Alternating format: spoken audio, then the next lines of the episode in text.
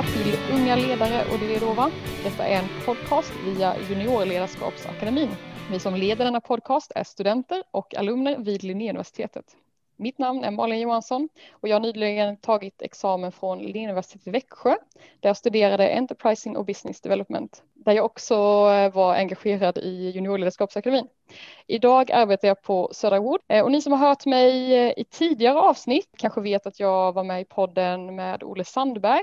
Men idag har jag faktiskt med mig en ny poddkollega. Ja, jag heter Linus Svensson. Jag är 25 år och läser masterprogrammet i sociologi vid Linnéuniversitetet. Eh, jag har varit engagerad i Juniorledarskapsakademin i, det här är mitt tredje år nu och jag tycker det är jättespännande att få prova på att eh, podda i ett sånt här sammanhang med Juniorledarskapsakademin. Och jag är jättetaggad på dagens gäst som är en riktig mångsysslare. Han är föreläsare inom marknadsföring, ledarskap och digitalisering.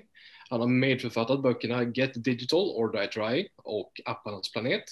Vissa har kanske hört honom i hans egna podcast, den välkända VD-podden, men och sen så sist men inte minst så har han medgrundat och är VD för bolaget Viva Media som arbetar med digital marknadsföring mot företag. Varmt välkommen säger vi till dig Argila. Oh, tack!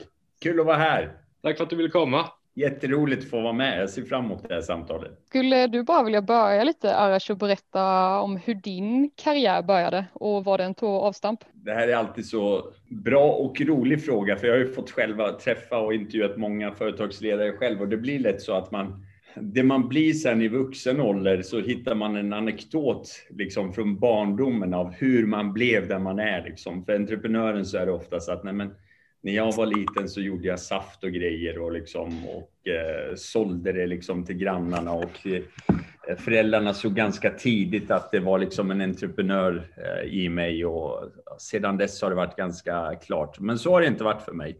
Eh, och jag tror att ärligt talat så hittar vi på mycket i vuxen ålder hur liksom det var i barndomen för att få liksom storyn att fungera. Jag har hållit på med Viva nu i tio år. Det är det som jag gör som är vår, liksom, där jag medgrundare och VD, huvudsyssla. Uh, vi är en eh, 80 anställda och finns i Kalmar, Uppsala och Oslo. Uh, och vi jobbar med marknadsföring då helt enkelt. Utöver det så gillar jag att skriva och nörda ner mig i det digitala. Jag är väldigt fascinerad av vad det digitala gör med oss människor, hur, hur vi liksom beter oss och agerar och Eh, vart vi är idag, men framför allt vart vi är på väg, inte minst inom AI och så vidare. Då. Och så har jag som ni nämnde också min podd där jag liksom utforskar allt det här och bolagsbygge och får träffa mycket smartare människor än mig för att liksom fråga dem hur man gör det. Så jag snor deras idéer och så, eh, så tar jag det till mig helt enkelt. Men vad som ledde mig till det jag är, om jag ska liksom på något sätt ge svar till dig. Jag tror att man ska liksom se livet som en evolution och testa på och liksom försöka hitta sig fram. Och mitt sätt att hitta fram var att jag fastnade för liksom digitala medier och marknadsföring. Och när jag hittade det så har jag kört ganska hårt i att lära mig mer av det och bli bäst i det så att säga. Så där är jag idag. Skulle du säga att du är självlärd inom det du håller på med eller har du någon utbildning eller någonting sånt som du har byggt upp dig på? Eh, ja, alltså jag har ju påbörjat och läst Weber i Uppsala universitet, filosofi då. Eh, men jag har aldrig fullgjort, för det har jag inte hunnit med med studierna. Men jag läste i höstas ännu en gång faktiskt. Då läste jag AI och filosofi den här gången. Men mycket av det jag gör inom det digitala, det finns ju inte jättemycket liksom material och studier och examen, inte minst för tio år sedan. Nu finns det mycket, mycket, mycket mer. Ehm, så då har det blivit att man har läst väldigt, väldigt mycket och försöka ta ner det. Och för mig ett bra sätt att förstå saker och ting, det är att skriva eller föreläsa om det, för då lär man sig det väldigt, väldigt bra. Ehm, så mycket självlärd, men eh, hundratals böcker och kurser och annat också ingår i detta självlärda, så att säga. Hur eh, kom det sig att du blev just företagare? Jag tänker, du har ju ändå hållit på med Viva Media rätt länge. Ja, det är en bra fråga. Jag har inte liksom hållit på och trott att jag ska bli företagare hela livet sedan barndomen. Jag tror att jag i grund och botten är väldigt intresserad och nyfiken kring ledarskap eh, och liksom vad det är man kan göra när man leder människor och gör det liksom tillsammans. Eh, jag har också mycket i mitt liv velat påverka och förändra och liksom som ung var det liksom att göra nytta för hela världen. Så liksom, när jag var efter gymnasiet där så åkte jag faktiskt till Tadzjikistan och jobbade på barnhem och, liksom och sånt där. Och mycket av det var liksom att åh, jag vill påverka och göra skillnad. Men sen eh, fick vi barn. och det var så här, jag behöver ha ett jobb med en inkomst och så att säga, eh, som fick livet att funka. Då var det liksom en nystartat digitalt företag eh, i Uppsala som jag kom in i och inom ett och ett halvt år blev jag VD där då och vi växte jättemycket och då i det så tyckte jag att wow, det här tycker jag är kul. Det här är väldigt, det är något jag fastnar för. Jag tycker väl 20 till 30 är en sån här viktig ålder i livet där man ska, tycker jag, testa på så mycket som möjligt för att hitta vad det är man gillar. Och vid liksom 30 och framåt kan man mer bestämma sig så att säga och nörda ner sig och gräva djupare i någonting. Så jag liksom hittade det här med företagande. Jag tyckte det var kul och valde att satsa på det. Då. Ja, vad det är intressant att du nämner det just för så som vi förstår det så kom du in just i företagsvärlden som, som ganska så ung. Ehm, och vi undrar lite hur det är att komma in som ung i företagsvärlden, ehm, sådär när man kanske inte är så erfaren och är det här stadiet man ska prova på saker. Hur, hur, är, hur är det och vilka utmaningar mötte du? Jag tror att som ung så måste man vara, liksom det som hör ungdomen till är väldigt bra om man ska bejaka det. Det är liksom att vara driven, vara lite kaxig, vara lite naiv och liksom, alltså de här grejerna är positiva saker som, och vågar man ha dem så kan man komma långt mycket med det. Och sen får man inte bli liksom för fast i sin liksom ålder och för alla vill påpeka att man är ung och inte hunnit med och bla bla bla. Men då gäller det liksom att tänka att idén är det viktiga, inte åldern så att säga. Och det är egentligen den principen driver mig fortfarande när jag bygger företag. Det, det spelar ingen roll vems idé det är eller liksom vart den kommer ifrån, utan bäst idé för företaget vinner. Det som driver oss. Och sen kan det komma från liksom Nisse 18 som är en praktikant eller liksom Birgit 57. Det spelar liksom ingen roll, utan idén är det centrala. Så man ska liksom inte lyssna jättemycket på alla de här gör så här och gör det och gör så, var den, utan vad driver dig? Vad är du stark på? Och kör på och, och liksom testa. Det, det, skadar inte att ha fel, man lär sig även då alltså. Hur, eh, hur och när upptäckte du ditt intresse för ledarskap? Var det genom, ja, som du pratar lite trial and error? Ja, alltså på ett sätt är jag ju född in i ledarskap i att jag, jag är född i den kurdiska delen av Iran och eh, min morfar var en sån här liksom en sorts stamledare kan man säga. Så jag har ju liksom fått se han i barndomen av att ha en stark ledare liksom, eh, runt mig och vad det innebär. Och sen eh, är jag uppvuxen, vi kom till Sverige med en ensamstående mamma. Och det är också väldigt mycket ledarskap i en människa som kan hantera en väldigt besvärlig och jobbig situation. Både att komma till ett nytt land men också ta hand om små barn och liksom göra det själv så det där har liksom präglat mig mycket i att wow, liksom det, det krävs att eh, någon vågar, någon liksom fattar beslut, någon ser liksom en annan väg.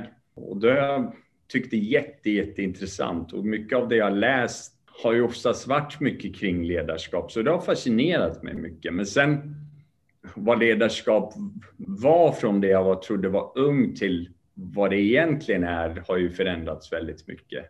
Eh, och den resan är jag väl på fortfarande skulle jag säga. Det, den resan tycker vi är rätt intressant för jag och Malin som är engagerade i juniorledarskapsakademin och också har ett intresse för ledarskap, vi kan ändå tänka oss sådär att det kanske är svårt som ung att tänka sig själv hur man är i en eventuell ledarroll i framtiden. Särskilt när man kanske inte har så mycket erfarenhet eller är nyutexaminerad. Eh, hur lärde du dig att hantera din ledarroll och hur, hur blev du den ledaren så långt du, som du kommer på din resa så att säga som du är idag? Ja, det är en bra fråga. Alltså, när jag var 26 och blev vd och liksom bolaget växte och så blev jag bland de bästa unga vdarna i Sverige och allt det där. Alltså, min perception av ledarskap var då mycket av det jag har läst och såg. Och det liksom försökte jag anamma, kopiera och, och ta efter. Ja, men ledaren klä sig i en kostym, liksom, hade jag fått lära mig. Så det var bara att köpa en massa kostymer. Liksom. Dyra då. Ja. Ledaren har en hierarki där du sitter i ett fint kontor och liksom, alltså, Eh, och så bestämmer du. Det är liksom ledarskapet. Men nu så här tio år senare eh, och liksom jag har fått leda ganska länge och vet vad det innebär, så är det mer att vara liksom den ledare du vill vara och själv vill ha. Ja, och i mitt fall då så är det inte en människa i kostym. Liksom, det är inte jag. Eh, så bort med alla de dyra kostymerna. Eh, det är inte att ha liksom en toppstyrd organisation där alla beslut fattas via mig.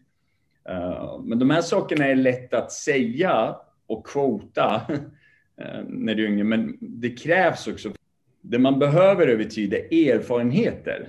Och det här är så viktig del av liksom livsresan, att skaffa sig erfarenheter och se men, vad funkar för mig? Vad är en teori och vad är liksom praktik?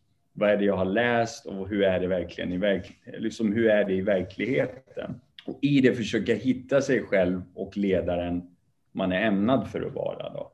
Så, och det är en livslång resa som jag är bara i början av. Alltså. Men jag börjar titta lite, lite mer i det. Liksom.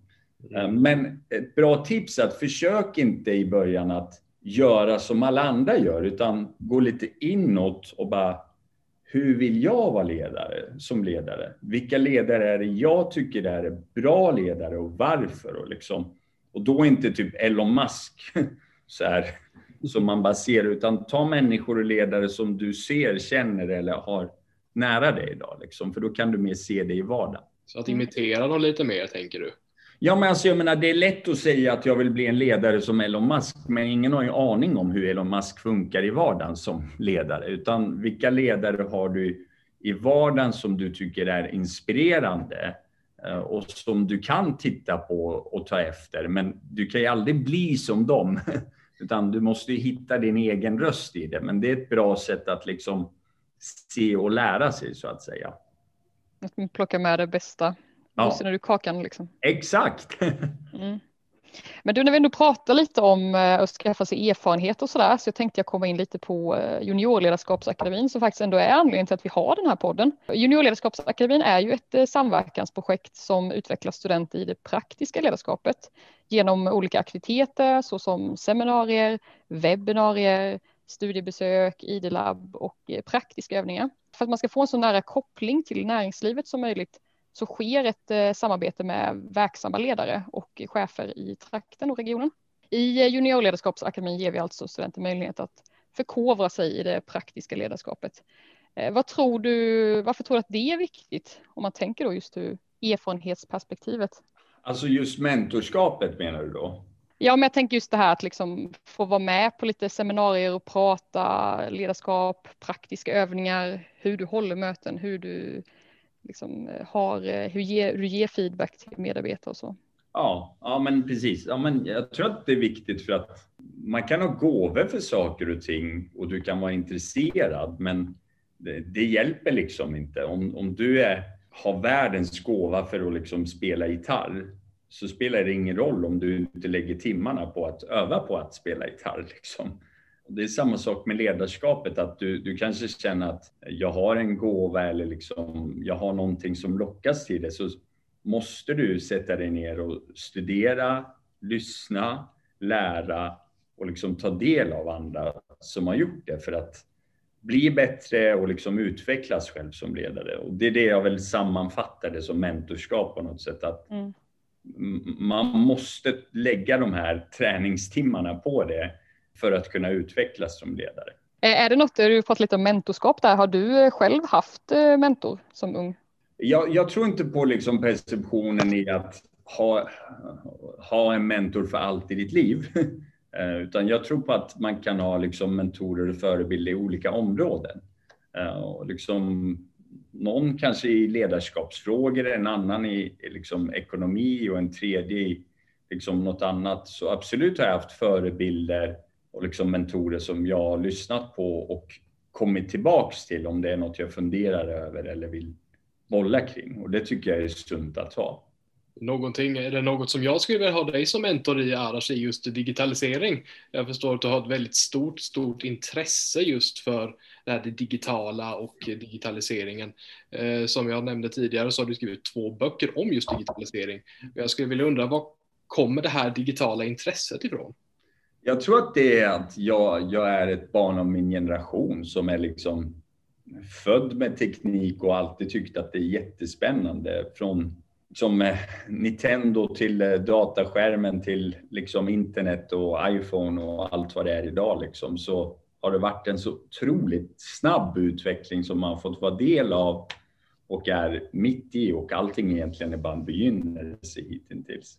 Eh, och sen liksom när jag blivit äldre har det blivit hur, vad det här gör och hur det påverkat oss och gått djupare in i och kanske det största intresse jag har idag är artificiell intelligens. Då. Och när jag, är sån som människa, jag nördar ner mig och då tycker jag att man lär sig bättre genom att skriva. Så då har det blivit två böcker inom det också. Då. I eh, din bok eh, Get Digital or Die Trying så skriver du om digitalt ledarskap. Eh, och det är faktiskt ett begrepp som varken jag eller Linus har eh, stött på tidigare. Vad innebär digitalt ledarskap och bör man som ung, eventuellt aspirerande ledare sätta sig in i det? Jag tror som en ung ledare idag så är du väldigt digital. Eh, utan det är liksom om du är en generation, kanske framför allt säg född innan 1980, så behöver du mer gå in i det digitala och förstå dig på det, vad det är för värld, hur det fungerar, vilka plattformar det finns. Jag menar, innan 2020 när alla började använda video och Zoom och allt vad det heter så fick man ändå ligga på ledare att ha videomöten liksom, eh, istället för att ha fysiska och flyga runt överallt så att säga. Eh, så digitalt ledarskap är hur vi kan använda digitala medel och liksom verktyg till vår konkurrensfördel. Då. För du har ju skrivit ytterligare en bok, där Apparnas planet. Och vi har, vi har tittat lite i dem sådär, men vi skulle ändå vilja fråga dig, vad är det för helhetsintryck som man som ung ledare kan ta med sig genom att läsa dina böcker? Jag tror att man ska ta med sig eh, att digitalisering har bara börjat och vi är fortfarande i den ringa begynnelsen. Och det innebär att vi bygger böckerna liksom Först är på tre teser där allt som kan digitaliseras kommer digitaliseras. Allt som digitaliseras kan kopieras och det som kopieras sjunker i värde. Då, liksom. Det skalbara. Och sen det, eh, andra boken bygger på en fjärde tes att när allt det här händer, värde allt digitaliseras, så ökar värdet på det som inte kan digitaliseras. Då. Så som ung ska man ta vara på det som händer just nu och liksom titta på områden och branscher där det finns en stor lucka. Och då genom kodning och mjukvaror, för det finns inget som kan bli så skalbart som att koda, kan man bli väldigt, väldigt framgångsrik eh, om man hittar den där luckan liksom på marknaden. För det är bara ringa, ringa begynnelsen. Det här är liksom tiden vi befinner oss i, lite som när man åkte över till Amerika för att liksom hacka och gräva guld så att säga. Det är där vi är idag och det är de möjligheter som finns. Och det är lite det jag försöker få folk att förstå genom mina böcker. Så vi har knappt börjat med digitalisering? Verkligen. Alltså tittar vi bara på tidsmässigt. Eh, vi har ju liksom de olika industriella revolutionerna i vår historia. Eh, och liksom säga att vår art Homo sapiens brukar jag prata om och det skriver jag om i den andra boken, har levt i hundratusen år. Vi har ju levt liksom så otroligt länge utan teknik och maskiner i våra liv. Först 1700-talet kommer ångmaskinen. Hundra år senare så har vi andra industriella revolutionen, elektriciteten. 1900-talet kommer datorer och 2000-talet som kallas den fjärde industriella revolutionen är mjukvaror och AI idag. Så vi är precis i början av allt det här. Det är faktiskt lite ironiskt Arash att eh, just jag och Linus intervjuar dig för att varken jag eller Linus är särskilt intresserade av teknik eller digitalisering. Eh, och vi tänker ju faktiskt det lite så här stereotypt som något så rätt så här klumpigt och tråkigt. Sen liksom när vi diskuterade lite inför här då så kom vi fram till att de erfarenheter vi har från arbetslivet är ju att, att det kan finnas en viss trötthet på digitalisering. Eh, bland många medarbetare där ute på för, företagen och att det, att det ständigt ska utvecklas lite hela tiden. Så att, ja nej, inte ännu ett eh, teamsmöte om vårt affärssystem, vad fasen liksom, låt det vara. Men när vi ändå har läst in oss på ämnet här nu inför så kände ju vi ändå så här, ja men det här är ju rätt intressant och digitalisering kan ju själva verket handla lika mycket om, om människor, deras livsstilar som om själva tekniken. Men hur tror du att man kan göra digitaliseringen mer attraktiv generellt? Kanske då främst för de som är trötta på att det ständigt ska utvecklas och läras nytt. Jag tror att det är viktigt då att inte göra det till en teknik eller IT-fråga. För de här grejerna är ju bara medel som vi använder, utan allt det liksom vi har som rör teknik och IT är någonting vi använder för att göra liksom saker bättre för människor. Då. Så inåt, liksom, det som är inre digitalisering, det, det, rör ju liksom det som är på personalsidan, så för oss som kollegor och liksom arbetskamrater. Och utåt så liksom till marknaden är det för kunder då. då. Så pratar man bara tekniken i sig, det är inte så jättekul. Liksom. Det är inte jättemånga som bryr sig, utan som det är kanske några duktiga kodare så att säga. Men 99 procent av de som jobbar på ett företag är inte kodare så att säga. Då. Mm. Man måste prata om nyttan som tekniken gör. Det är superviktigt och det är där det oftast hamnar fel. Och, och varför det blir så tråkigt det tror jag också oftast för att människorna som leder de här sakerna inte har jättebra koll på vad de pratar om. Ja, men det kändes som ett, ett relevant svar vi kan ta med oss, jag och Linus. Verkligen. Annars, du har ju själv sådär många bollar i luften eh, förstår vi när vi har läst in oss på det. Som du har den här vd-podden, du har, du har skrivit och jag kommer också tänka mig att du kan nog skriva ännu fler böcker än vad du redan har gjort. Eh, du driver ditt bolag och du föreläser inom tre olika områden. Vad är det som, som driver dig till att göra alla de här sakerna? Ja, det är en bra fråga. Alltså mitt grunddriv är utveckling och nyfikenhet. och sen ter det sig på olika liksom, sätt. Då. Men jag tror på att man lever så länge man lär sig eh, och man lär sig så länge man lever. Liksom. Och har man den inställningen till livet så eh, stannar man aldrig så att säga. Och behöver man inte vara orolig för hur ska det gå på arbetsmarknaden och vad ska jag göra med mitt liv så att säga. Så jag är väldigt nyfiken på livet så att säga. Sen i det jag gör så är ju mitt företag grundstommen i allting jag gör.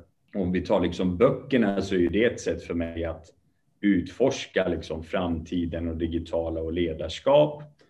Så det går ju tillbaks till, liksom till företaget. Om vi tar podden så är det också ett sätt att utveckla företaget genom att jag träffar duktiga människor som är experter på sina områden och då kan jag utveckla företaget. Och föreläsningarna är liksom samma sak så att säga.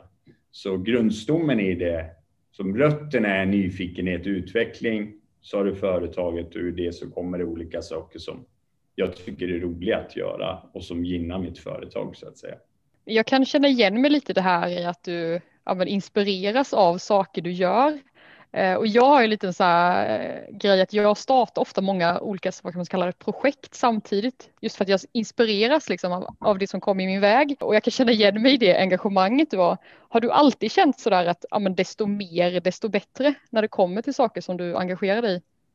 Ja, absolut. Eh, men sen har jag lärt mig genom åldern att det här med att det är viktigt att samla sina ägg så att säga och ha fokus på det man gör. För jag tycker det hör till liksom. När jag var yngre så var det lite spretigt lite överallt. Alla dessa ägg och allt jag höll på med. Men liksom desto äldre, desto mer samlar jag äggen och fokuserar liksom det jag gör och mitt intresse så att jag kan bli riktigt, riktigt, riktigt bra på det. Och så har jag kanske andra grejer utanför där jag har mer intressen och hobbys och försöker hitta inspiration så att säga. Så jag, jag tror att det är bra att allt eftersom tiden går att blir liksom smalare och vassare, för det, då blir det vassare och bättre så att säga. Då. Ja, men att man försöker fokusera lite på sin kärnkompetens eller så. Ja, och utforska den. Det är svårt att veta kanske liksom vad det är vid 20, liksom, men man börjar ana lite vid 35 där jag är nu då. Är det det som gör, som gör att, att du orkar med alla de här sakerna i slutändan? För jag kan känna igen mig i både det som du och Malin säger, men jag kan ofta finna mig själv stå ganska handfallen för att oj, nu har jag så här mycket att göra, kommer jag att hinna med? Även fast man då såklart är driven och vill ta sig an dem. Mm. Är det liksom, är det att spetsa sig som gör att man faktiskt orkar med och kan ge alla de här sakerna energi? Ja, jag, jag tror att Alltså jag tycker det är jättefascinerande med elitidrottare. Eh, aldrig varit en själv, men jag gillar att studera dem. Och hur deras disciplin och fokus är i det de gör. Och jag försöker anamma samma tänk till mitt ledarskap och företagande. Att jag liksom kompromissar inte med min ledarskapsträning. Liksom. Och för mig är det liksom att läsa, studera och liksom gräva ner sig i Eh, den, den, tiden lägger jag ner liksom på de sakerna och sen är det utövandet så att säga. Men utövandet är oftast bara en liten del av det hela. Så jag tror att man måste liksom vara fokuserad i det, vad, vad det är jag vill och ha liksom drömmar och mål. Och när du har det så blir liksom själva träningen inte så... Det kan vara jobbigt ibland, men du vet vad du vill liksom på sikt. Eh, och där har jag alltid liksom stora ambitioner med det jag gör. För eh, många så tänker jag att det kan vara så att man det är mycket som händer i ens liv, både privat och på arbetsplatsen. Och, och man kan känna så här kanske att man förväntas att hålla ett högt tempo, man ska kunna vara innovativ, man ska jobba som vi sa då med sin personliga utveckling, sträva efter några mål, lära sig nya saker och vara attraktiv på arbetsmarknaden. Men hur ska man som ung orka och vara den senaste variationen av sig själv? Samtidigt då som man försöker sträva efter ett hållbart arbetsliv tror du? Det är väl som ung man orkar höll jag på att säga. Nej, men det är en bra fråga. Jag tror att det är viktigt att se livet som liksom ett, ett maratonlopp. Du har tid. Det är jättesvårt råd att ge till unga, men det är mitt bästa råd. Tänk inte ett år, tänk tio år. Liksom. Uh, för då händer det väldigt mycket om man kan liksom slappna av lite. Um, för där, där känner jag ofta stressen liksom över unga. Och det andra superviktigt råd då liksom, det är att jämför dig inte med andra människor. Utan människor som inte jämför sig uh, har en superkraft verkligen. Liksom. Utan vad är din väg eh, och vad är det du ska göra? För oftast är det så, jag pratar mycket inom organisationen, något som jag kallar för styrkefokus. Då, det vill säga vad är din gåva? Vad är du duktig på? Det är oftast kopplat till det du tycker är kul och vill lägga tid på, så det är inte så mycket svårare än så faktiskt. Och i det, slipa det, satsa på det, bli duktig på det. Men gå inte där du är svag och inte har så mycket gåvor, för det är ofta så vi funkar som människor. Så går vi och jämför oss där vi är svaga med någon annans styrkefokus. Liksom. Och då blir det, känner man sig jättedålig och kass och värdelös. Men du har ju jämfört någonstans där du inte har en gåva, men där en annan har sin gåva. Eh, och då blir det inte alls bra. Liksom. Så tänk långsiktigt, jämför det inte och kör liksom bara på. Det är ditt liv och det är bara du som kan leva det livet, ingen annan. Liksom. Det är fantastiskt hur, eh, hur smidigt och trevligt och lätt det låter när du beskriver det. Men det är ju inte det, men då kommer tioårsperspektivet in. Det är, liksom, ja. det är inte saker som händer på ett år, utan ge dig själv tid. Liksom. Och var inte så hård mot dig själv. Det tycker jag också är en så här viktig grej. Det här skulle jag behöva höra på daglig basis känner jag. det kan du påminna dig själv om. Jag ska försöka. Spela... Så kan du göra podden i repeat. Exakt ja. vad jag tänkte säga. Du får spela den här podden på repeat. Ja, det, det ska jag göra dagligen. Ett sånt där sätt för att kanske där man kanske jämför sig då, som du säger att man inte ska göra, är det just när vi har de här olika slags systemen. Eh, vi hittade ett ganska så intressant begreppspar där som du använder i apparnas planet, där du pratar om delvis teknikens ekosystem, eh, men samtidigt som du pratar om, om människornas egosystem och mm. relationen däremellan. Eh, skulle du kunna utveckla den här tanken och berätta för våra lyssnare vad de innebär och vilka effekter du tror att det har på människor? Jag tror att kärnan i det är att eh, ju mer världen blivit digital och med sociala medier i, i synnerhet så har vi skapat liksom väldigt mycket stereotyper. Liksom. Som om du följer en influencer på sociala medier, det är inte så som det är samma grej i princip. livet ser ganska lyckligt och fint och det är liksom alltigenom fantastiskt. Och så tittar man på den bilden av den influencer i sitt liksom badrumskök eller whatever det är och så blickar jag ut mot mitt eget hem och det är mismatch. det, det gick inte ihop. Jag lever inte i den här perfekta fina världen och så tänker man inte oftast på att de här influencerserna har 5-10 personer fixar deras bilder, tar deras bilder, redigerar, sminkar dem. Alltså så här, det är gjort som en Hollywood-scen och det är tänkt att det ska liksom vara så. Mm. Men man får inte ta det. Det blir lite som devisen om svaghet och styrkefokus med hur mitt liv ser ut. För deras liv eh, ser likadant ut som ditt. Men de väljer vad de lägger upp väldigt, väldigt noggrant så att säga. Eh, så det är väl lite kärnan i det och då är liksom i det så vill vi att jag ska framstå som bättre och så skapar vi liksom någon naivitet av att allting är så fint och fluffigt och nice där ute, men det är det inte. Utan vi är alla ganska bräckliga och har ostädade hem och uh, unga som skriker på en. Och, men där ute vill vi mest prata om hur fint allting är. Är det just att inte jämföra sig med de här Instagram-stjärnorna, profilerna som lägger ut perfekta bilder. Är det på det sättet som man på något sätt inte snör in sig allt för mycket i den här artificiella världen som annars tar upp mycket av vår tid, både privat och i arbetslivet? Är det på det sättet som vi kan använda oss av sociala medier, digitala lösningar för att på något sätt kunna bli hälsosamma i någon aspekt. Ja, jag tror att man också bara ska vara medveten om saker och ting. Man ska vara medveten om hur Facebook och liksom Instagrams algoritmer fungerar. Saker är inte av en slump. Man ska veta hur Youtubes algoritm fungerar. Youtube matar dig med det du har tittat på innan så får du mer rekommendation av det du har tittat på och tittat på. Så kan du sitta några timmar och bara titta på samma sak som säger samma sak om och om igen på olika sätt. Och det är basically samma sak liksom på Instagram. Det bygger på de här kicken av dopamingrejer i ditt huvud av att eh, få likes och kommentarer. Men de här sakerna spelar egentligen ingen roll. det är inte det som definierar dig som människa. Så du måste veta hur det fungerar. Och mer om du vi ska liksom prata ledarskap och företagande. Okej, okay, när jag vet hur det fungerar, hur kan jag använda det till min fördel och till mitt företagande? och inte mer som att åh, vad olyckligt mitt, min värld är och hur kast allting är och hur perfekt allting annat är. Liksom. Där ska inte jämförelsen vara, men ta vara på det, lär dig det och använd det för att kunna göra som ditt liv och ditt företagande bra.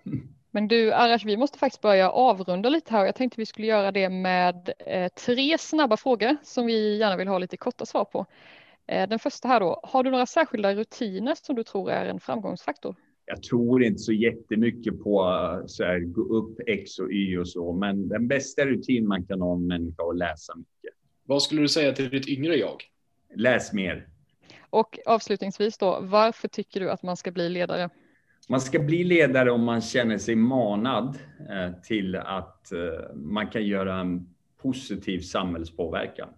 Eh, annars ska man låta bli. Då får vi tacka dig så jättemycket Aros för att du ville ställa upp här idag. Stort tack! Tack för att jag fick vara med. Det var jättekul. Tack så mycket.